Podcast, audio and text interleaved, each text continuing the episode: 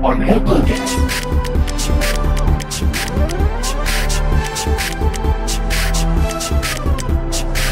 On Air Podcast. Assalamualaikum warahmatullahi wabarakatuh Selamat pagi Sobat On Air Perkenalkan, saya Nisa Herati dari Divisi Radio Nah, pada kali ini kita kedatangan tamu spesial yaitu Bapak Profesor Dr. Muhammad Hairil SAG MSI selaku Dekan Fakultas Ilmu Sosial dan Ilmu Politik Universitas Tadulako. Sebelumnya Pak, saya ingin menyampaikan bahwa kami segenap keluarga besar On Air mengucapkan selamat atas gelar guru besar dalam ilmu komunikasi dan menjadi profesor termuda di UNTAD. Alhamdulillah. Terima kasih, terima kasih, terima kasih. Semoga Pak dengan gelar dan ilmu pengetahuan yang dimiliki bisa menjadi pelopor dalam pengembangan dan kemajuan fakultas, universitas, bangsa dan negara dan juga khususnya Provinsi Sulawesi Tengah. Allahumma amin. Terima kasih doanya. Nah, pada kesempatan kali ini kita akan membahas tentang mekanisme PKKMB fakultas serta open recruitment HMJ dan UKM di tengah pandemi COVID-19.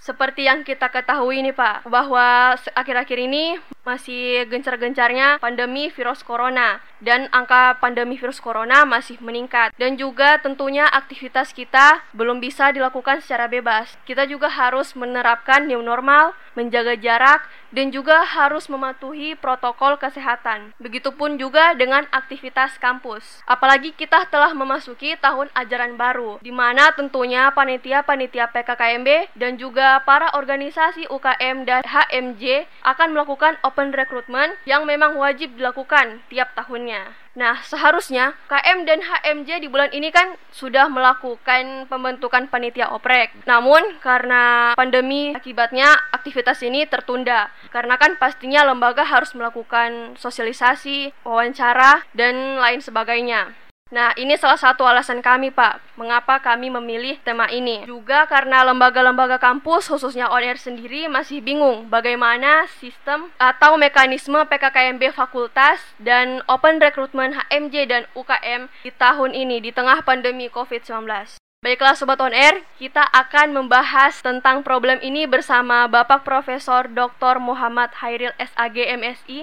selaku Dekan Fakultas Ilmu Sosial dan Ilmu Politik Universitas Tadulako. Sebelum kita masuk ke pertanyaan tentang PKKMB Fakultas, saya ingin menanyakan Pak seputar sistem perkuliahan di masa pandemi seperti sekarang ini. Izinkan saya bertanya Pak. Ya, silakan, silakan. Pertanyaan pertama nih, apakah ada jadwal pasti untuk perkuliahan secara tatap muka Oke. di tahun ajaran baru kali ini? Ya, baik. Sudah? Ya, Ya, baik. Terima kasih. Bismillah. Assalamualaikum warahmatullahi wabarakatuh. Selamat pagi jelang siang seluruh pemirsa on air di mana pun berada. Selamat pagi. Alhamdulillah pada hari ini kita bisa bersua kalaupun lewat udara. Ada beberapa catatan. Yang pertama saya juga menyampaikan terima kasih adik-adik sekalian atas ucapannya dan mudah-mudahan ilmu dan gelar ini memberi manfaat juga hikmah yang besar. Amin, sama-sama Pak. Mudah-mudahan insya Allah amin ya rabbal alamin. Yang kedua, ya menarik sekali tema kita pada hari ini dan saya memberikan apresiasi penuh terhadap on air yang punya inisiatif untuk kemudian bisa mengadakan kegiatan ini. Karena menurut saya memang dibutuhkan kepedulian lembaga terhadap bagaimana menyikapi sistem perkuliahan, menyikapi bagaimana pola rekrutmen, termasuk dinamika di kalangan organisasi kemahasiswaan. Terkait pertanyaan pertama tadi, bagaimana sih sebenarnya proses perkuliahan kita saat ini? Sesuai dengan surat keputusan rektor, itu jelas full daring. Artinya kita kuliah online. Ini yang poin utama. Kenapa rektor memutuskan ini berdasarkan juga instruksi dari Menteri Pendidikan dan Kebudayaan yang juga memerintahkan kita semua untuk melakukan kuliah online. Spiritnya hanya satu, bagaimana kita mencegah dan meminimalisir penyebaran virus COVID-19. Itu prinsip dan spirit utamanya. Kenapa? Karena memang virus ini kan seperti juga tadi Ananda sampaikan bahwa memang mengkhawatirkan. Barusan saja tadi di FISIP ada seorang mahasiswa yang tiba-tiba jatuh, kejang-kejang dan juga mengeluarkan darah. Kita mau nyentuhnya itu juga khawatir ada beberapa teman yang ambil inisiatif untuk sekedar memberikan stimuli untuk kesehatannya dan karena kita agak khawatir lalu kemudian kita memanggil uh, medis untuk datang dan alhamdulillah medis sudah datang dan dibawa. Kita mau tahu apa hasilnya dan mudah-mudahan bukan sesuai dengan kekhawatiran kita. Insya Allah, amin. Insya Allah. Nah, ini semualah yang menjadi kekhawatiran dan menjadi spirit. Teknisnya bagaimana kuliah online, mulai dari menteri sampai dengan rektor itu kan sudah ada bantuan untuk kita biaya yang namanya paket. Variasi bantuannya macam-macam. Tapi intinya support pendidikan terhadap pandemi ini khususnya dalam konteks uh, perkuliahan di situ. Jadwal tetap seperti semula. Jadwal manual tetap ada, lalu kemudian di manual itulah nanti di online kan kita punya kurang lebih 6 sampai 7 langganan Zoom sumber bayar. Bedanya kalau yang berbayar dengan yang tidak, kalau berbayar itu kan kita menggunakan 2 jam, 3 jam tidak mati-mati. Tapi kalau yang kita gunakan yang free atau yang gratis itu hanya berlaku kira-kira 40 menit. Selebihnya keluar, masuk lagi, keluar, masuk lagi. Kita punya 7 Zoom berlangganan yang kita sebar ke 5 program studi, kami juga pakai. Dan itu juga dari yang lalu saya sudah pernah menawarkan ke adik-adik mahasiswa siapa yang mau gunakan Zoom berbayar ini silahkan hubungi kami. Itu free dari kami dan untuk digunakan sebagai fasilitas diskusi untuk adik-adik mahasiswa. Memang Zoom ini butuh biaya. Costnya jauh lebih besar dari sekedar Google Classroom dan lain-lain jadi teknisnya kuliah perdana kita tetap menggunakan online tetap sesuai jadwal bahwa ada perubahan dalam teknis perkuliahan itu memang dimungkinkan. Jadi contoh begini, semua dosen, semua mata kuliah itu akan ada grup WhatsApp. Di situlah yang akan di-share. Bagaimana Pak dengan teman-teman kami mahasiswa yang tidak punya WA?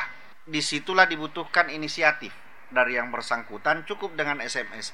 Sampai tadi masih ada mahasiswa yang datang ke saya minta bantuan keringanan UKT saya bilang, hello, ke mana aja? Sekian bulan kita umumkan ini pembebasan UKT, ente baru datang. Ini kan persoalan, di saat sudah ditutup. Anu pak, kami baru dari kampung. Ada WA enggak? Ada pak, kenapa tidak gabung di grup? Ini kan persoalan, di ujung seperti ini, baru datang di saat kita sudah tidak bisa lagi apa-apa. Jadi teknis-teknis ini semua dosen harus punya grup WhatsApp di kalangan mahasiswa. Itulah kemudian yang tershare mungkin untuk teknis lebih uh, detailnya itu kalau Zoom ini terlalu dirasa berat maka kita turunkan ke Google Classroom. Ini juga masih berat, kita turunkan lagi yang namanya Learning System Management atau Learning Management System yang kita punyai.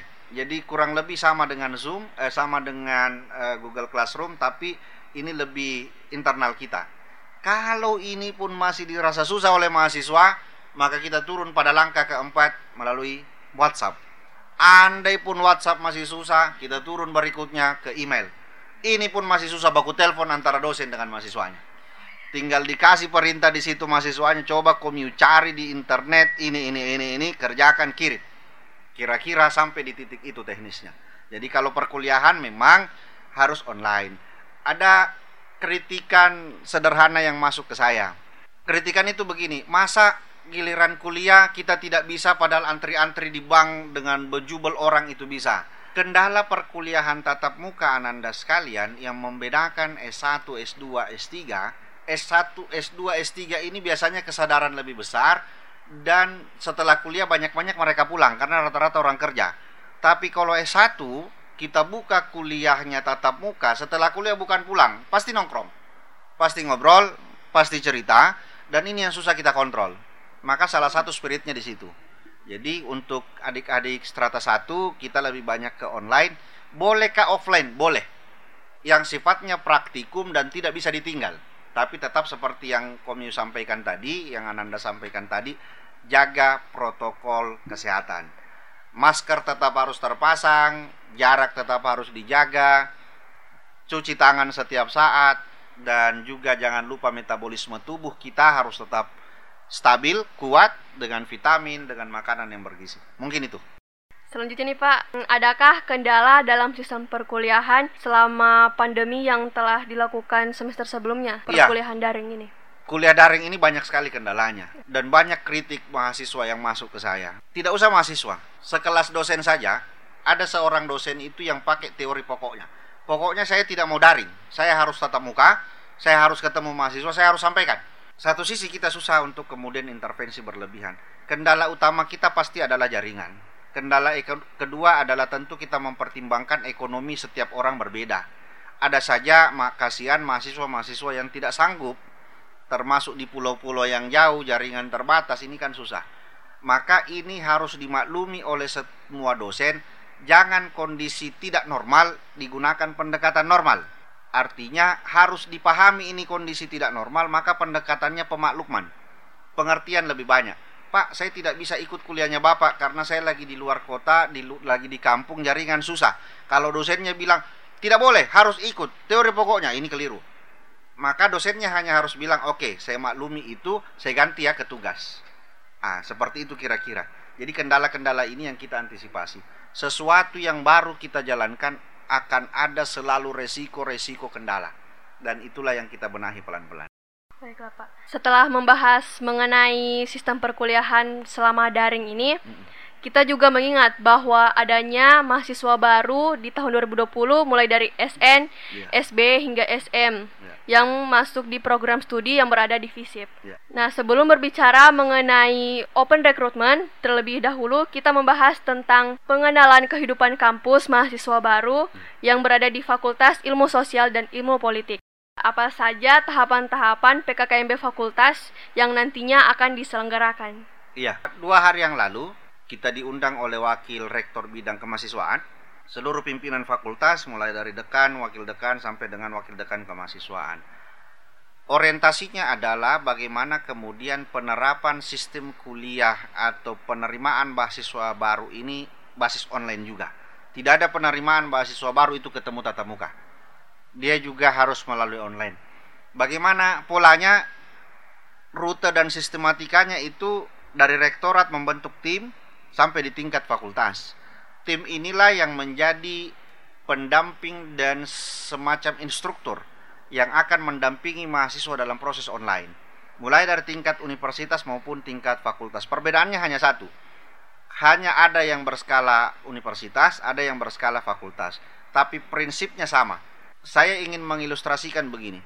Bedanya itu kalau tahun lalu dia offline, tatap muka, maka tahun ini hanya online. Tapi muatan dan kontennya eh, tidak jauh beda. Kira-kira 11-12 lah dengan yang lalu. Hanya perbedaan satu tatap muka, satu via online. Itu saja. Tapi prosesnya tetap ada bagaimana reorientasi perkuliahan, pengisian KRS dan seterusnya. Karena ini kan apalagi mahasiswa baru, tidak semua orang kota, ada saja kita temukan orang-orang yang mungkin dari daerah yang masih terbatas secara teknologi kebingungan. Ini kami harus bagaimana? Nah, maka tentu kami berharap semua lembaga kemahasiswaan termasuk on online eh apa on air ayo kita partisipasi bersama memberikan literasi informasi yang tepat yang sesuai ke mahasiswa baru kita sehingga mereka bisa menjadi mahasiswa yang memahami proses dan prosedur bagaimana untuk masuk di UNTAD khususnya di Fakultas Ilmu Sosial dan Ilmu. Baiklah Pak. Kemudian Pak, kapan dilaksanakan PKKMB fakultasnya? Kalau detail tanggalnya saya tidak begitu ingat, saya khawatir salah menyebutkan. Tapi setelah penerimaan mahasiswa mandiri, ini kan masih SM. Insya Allah baru-baru kita tes SM, mungkin pengumuman itu di sekitar tanggal 3 sampai tanggal 5 September. Lalu setelah pengumuman dibuat jadwalnya. Jadi mungkin sekitar tanggal di atas tanggal 5-an September lah. Mungkin main di tanggal 8 sampai 10-an September untuk proses uh, penerimaannya ya kurang lebih tapi detailnya nanti mungkin saya coba tanyakan nanti saya konfirmasi ke adik-adik tentang detailnya Kemudian Sobat On Air berbicara mengenai oprek pada tahun ini yang akan dilaksanakan oleh HMJ dan UKM seperti yang kita ket telah ketahui bahwa ada pun tahapan-tahapan open recruitment yang akan dilaksanakan HMJ dan UKM yaitu pengenalan organisasi, pendaftaran, tes wawancara hingga ke tahap pengkaderan. Kalau melihat PKKMB tahun-tahun kemarin, pasti di tiap hari terakhir pelaksanaan PKKMB ada pengenalan lembaga, Ya, Pak, betul. seperti sosialisasi di tiap-tiap ruangan yang berada Ya, di ya. Nah, karena sekarang kan Bapak bilang tadi PKKMB-nya dilaksanakan secara online atau daring, apakah ada pengenalan lembaga di kampus masih diadakan atau ditiadakan? Semua prinsipnya kegiatan termasuk kegiatan kemahasiswaan di dalam kampus itu memang tidak ada. Maka alternatifnya adalah adik-adik mengikuti proses dan prosedural melalui online. Apakah ada kesempatan bagi himpunan, bagi jurusan, bagi lembaga-lembaga kampus untuk melakukan proses sosialisasi atau kemudian proses rekrutmen? Semua berbasis online. Jadi contoh teknis ini gambaran saya ya. Misalnya on, on air mau masuk nih ke mahasiswa baru Iya, Pak. dikasih kesempatan. Kesempatan itu masuk di Zoom. Zoom, silakan masuk di Zoom, lalu kemudian di situlah dilakukan pola-pola mulai dari pengenalan, orientasi sampai kemudian ada ndak yang berminat direkrut, tapi semua berbasis Zoom. Mudah-mudahan, mudah-mudahan kita berharap sebenarnya kan COVID ini sudah mulai menurun lah. Banyak orang yang antara pasrah, tidak peduli dan juga berharap COVID ini selesai. Kita mulai punya kesadaran yang lebih baik. Mudah-mudahan COVID ini memang segera berlalu. Kalau misalnya COVID ini berlalu dan proses ini makin ke sini kita zona hijau, maka mungkin saja pola rekrutmen itu dibuka oleh rektor dan dimungkinkan untuk adanya interaksi langsung. Tapi ini kita masih berharap. Ah, untuk saat ini sesuai keputusan semua berbasis online. Bahkan sebenarnya administratif pun harus online. Cuma contoh kita mau siaran seperti ini kan agak susah. Mau online bagaimana? Zoom hanya face sederhana dan memang masih terbatas. Maka ada hal-hal tertentu yang ketika kita mengikuti prosedural kesehatan, it's okay lah kita ngumpul. Oh, baiklah, Pak. Jadi, pada oprek tahun ini akan dilaksanakan juga secara daring. Secara daring, ya, Ya. atau online, betul. Berarti, Pak, aplikasi yang bisa di- kita gunakan itu sosial media seperti Zoom, Instagram, dan lain-lain Ya. kan, Pak? Oh, ya. Jadi paham. Instagram, eh, Facebook, termasuk WhatsApp. WhatsApp ini kan sebenarnya nanti akan terpetakan. Mahasiswa ilmu komunikasi misalnya yang masuk 200 orang. Maka 200 ini ki- kemungkinan karena kapasitas WhatsApp itu kan maksimal 200-an kalau tidak salah. 200 Iya. apa 250. Ini kita bagi dua. Nah, di situ mungkin kita selipkan salah satu pengurus eh, lembaga sebagai perwakilan untuk melakukan sosialisasi. Jadi bisa juga lewat Oh, WhatsApp karena kalau kita mau langsung zoom satu kali zoom bisa paket cukup banyak mengambil paket data kita. Jadi mungkin zoom itu tidak terlalu kita batasi tapi kita berikan penguatan-penguatan yang lebih sederhana. Nah, saya ingin bertanya lagi, Pak. Apakah ada sanksi bagi lembaga yang melanggar aturan-aturan tersebut? Misalkan mereka melakukan sosialisasi langsung ke mahasiswa. Seperti itu, Pak. Logika sanksi itu kalau ketahuan dia dihukum. Ya. Tapi kalau tidak ketahuan siapa yang tahu? Ah, kan logika logika Oke. hukumnya seperti itu. Yang akan dihukum itu yang ketahuan, yang tidak ketahuan bukan berarti saya mengajarkan untuk tidak diketahui, tidak. Tapi semua aturan yang ada harusnya ditegakkan. Bagi siapa pun yang melanggar aturan itu pasti kena sanksi. Mulai dari sanksi teguran, sanksi administratif, sampai kemudian sanksi skorsing. Semoga tidak sampai di tahap ini, tapi resiko ini dimungkinkan apabila terjadi hal-hal yang sangat tidak diinginkan dan itu efeknya besar. Contoh, tidak diminta-minta. Adik-adik melakukan itu dan dilakukan secara terbuka atau di, dikumpulkan mahasiswanya lalu kemudian terjadi sesuatu di situ, maka pasti organisasi itu akan kena sanksi. Tapi misalnya itu lancar-lancar saja, ya mudah-mudahan ah, mungkin resikonya jadi berbeda. Oh ya, baiklah seperti itu, Pak. Ya, semua Semua lembaga- semua pelanggaran yang kemudian memberikan efek sosial dan efek hukum pasti akan kena sanksi. Tapi kemudian pelanggaran yang bisa kita minimalisir dan tidak menimbulkan efek sosial yang besar, maka mungkin sanksinya lebih rendah. Kita berharap sanksi itu tidak ada, adik-adik mahasiswa bisa mematuhi seluruh aturan yang ada dan kita semua bisa bergandeng tangan untuk menyukseskan penerimaan mahasiswa baru sampai kemudian kita juga dinamika organisasi di kalangan mahasiswa juga bisa berjalan. Lalu Pak, bagaimana jika ada lembaga yang nantinya akan melakukan open recruitment secara langsung. Namun mereka menerapkan protokol kesehatan seperti menjaga jarak dan lain-lain. Saya kasih contoh kasus langsung. Ya. Satu lembaga di FISIP itu dua atau tiga kali sudah dibubarkan oleh security alias uh, kita punya pengamanan. Kenapa? Karena memang lembaga kemahasiswaan itu tidak dimungkinkan untuk digunakan. Ketika digunakan, apalagi dengan tidak menggunakan standar protokol, pasti dibubarkan. Yang kedua, sudah ada perintah bahwa semua berbasis online. Maka karena berbasis online, mohon kerjasama kita semua. Bagaimana kalau tetap ngotot ada lembaga, kalau ada pun lembaga yang mau melakukan itu dan itu ketahuan pasti sanksinya akan berat. Kenapa saya bilang berat? Karena pelanggaran yang dilakukan jelas-jelas sudah ada aturan. Karena sudah ada aturan, maka aturan ini kita tegakkan. Aturan kita buat bukan untuk dilanggar, tapi untuk ditaati. Kira-kira begitu. Baiklah Pak, terima kasih atas jawabannya Pak. Siap. Baiklah Sobat On Air, akhirnya kita telah memasuki akhir dari podcast kita pada kali ini. Apakah ada tambahan penyampaian dari Bapak selaku dekan visip? Ya. Silakan Pak. Terima kasih. Terakhir ini sebagai closing statement saja. Adik-adik sekalian, baik on air maupun lembaga kemahasiswaan secara khusus di Fakultas Ilmu Sosial dan Ilmu Politik, kita, saya sebagai pimpinan fakultas sangat memberikan apresiasi terhadap girah dan gairah adik-adik dalam berorganisasi ini modal utama untuk kemudian menjadikan diri adik-adik sebagai orang yang dewasa dalam menyikapi berbagai hal. Organisasi ini dijadikan sebagai media atau tempat adik-adik menampah diri. Kami mendukung penuh seluruh aktivitas kegiatan kemahasiswaan selagi berada pada koridor yang tepat, yang benar, dan apa pun kegiatan adik-adik kalau adik-adik koordinasikan dengan fakultas, insya Allah kita dukung Prinsipnya kami mensupport dinamika organisasi kemahasiswaan. Dan mudah-mudahan kita semua sehat, menjaga Amin. terus uh, standar prosedur kesehatan yang telah ditetapkan dan semua ini akan memberikan efek pada sehatnya lingkungan kita, sehatnya fisik kita dan sehatnya proses interaksi sosial kita. Terima kasih. Ya, baiklah Pak. Terima kasih Pak atas kedatangannya kali ya, terima ini. Terima kasih sama-sama.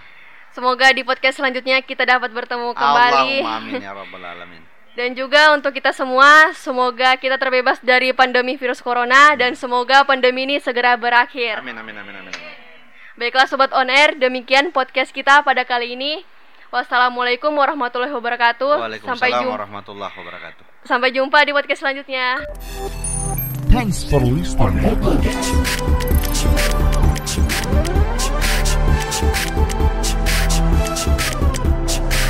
on Podcast.